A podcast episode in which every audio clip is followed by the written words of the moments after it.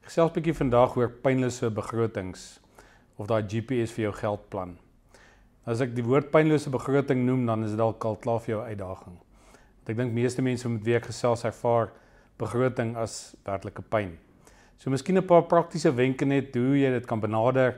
Waar begin ek en waar eindig ek en hoekom is dit regtig belangrik?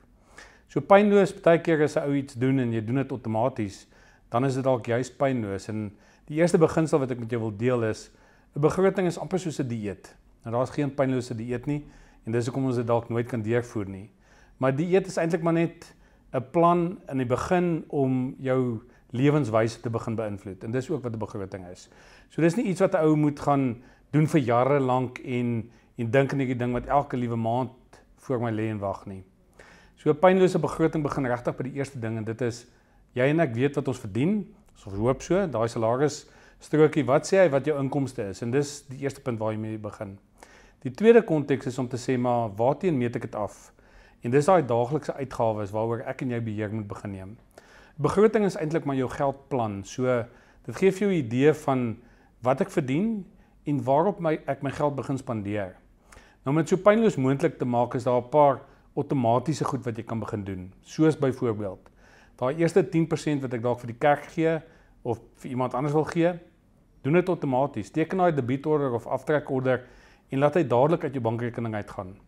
Die ontvanger het lankal reeds besef dat om iets outomaties te neem voordat ek nog my geld kan spandeer is die beste manier om dit te doen. So die tweede ding is betaal jouself eerste. So en daarmee bedoel ek is dat sit 'n verdere 10% weg vir jou en doen dit ook sommer outomaties. Daar's baie maniere hoe ou dit kan regtig wegsit om dit vir jou te laat werk en dis wat jou geld moet doen is terwyl jy hard werk vir jou geld, moet jy ook jou geld begin laat werk vir jou. Dan beteken dit jy so 80% van jou geld oor. En dit is tipies hoe jou begroting moet balanseer, nie andersom nie. Baie keer spandeer ons eers ons geld en dan probeer ons die res van die geld te raap en skraap om ietsie weg te sit vir die ou dag.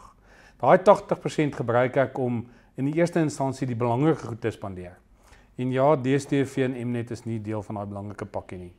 So dis vyf goed wat jy moet dan kyk. 1 huis om in te bly of ek kom koop of huur, is 'n belangrike ding en die uitgawes daar rondom.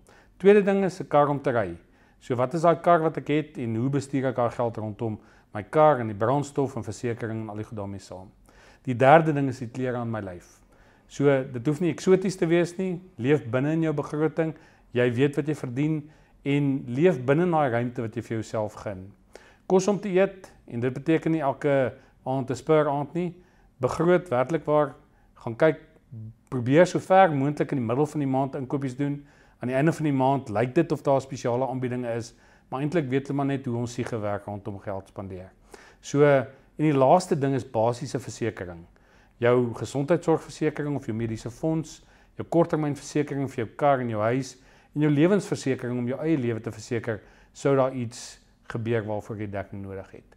So daai is die vyf kritieke goed wat jy in 'n begroting moet hanteer.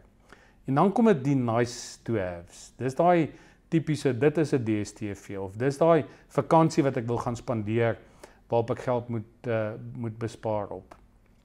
Kyk dan ook sommer na wat is die goed wat ek elke jaar moet voorspandeer.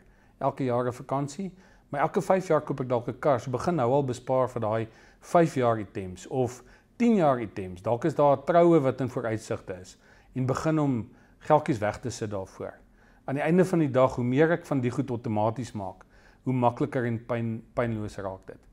En die vraag dalk hoekom is 'n begroting so belangrik? Want aan die einde van die dag as ek op aftrede kom, moet ek my daaglikse begroting vervang en dalk is daar nie meer skuld nie en daar's nie meer uitgawes met kinders in die huis nie. Maar ek moet gaan begin spaar sodat ek daai uitgawes wat ek dan het, kan delg met die kapitaal wat ek saamgestel het.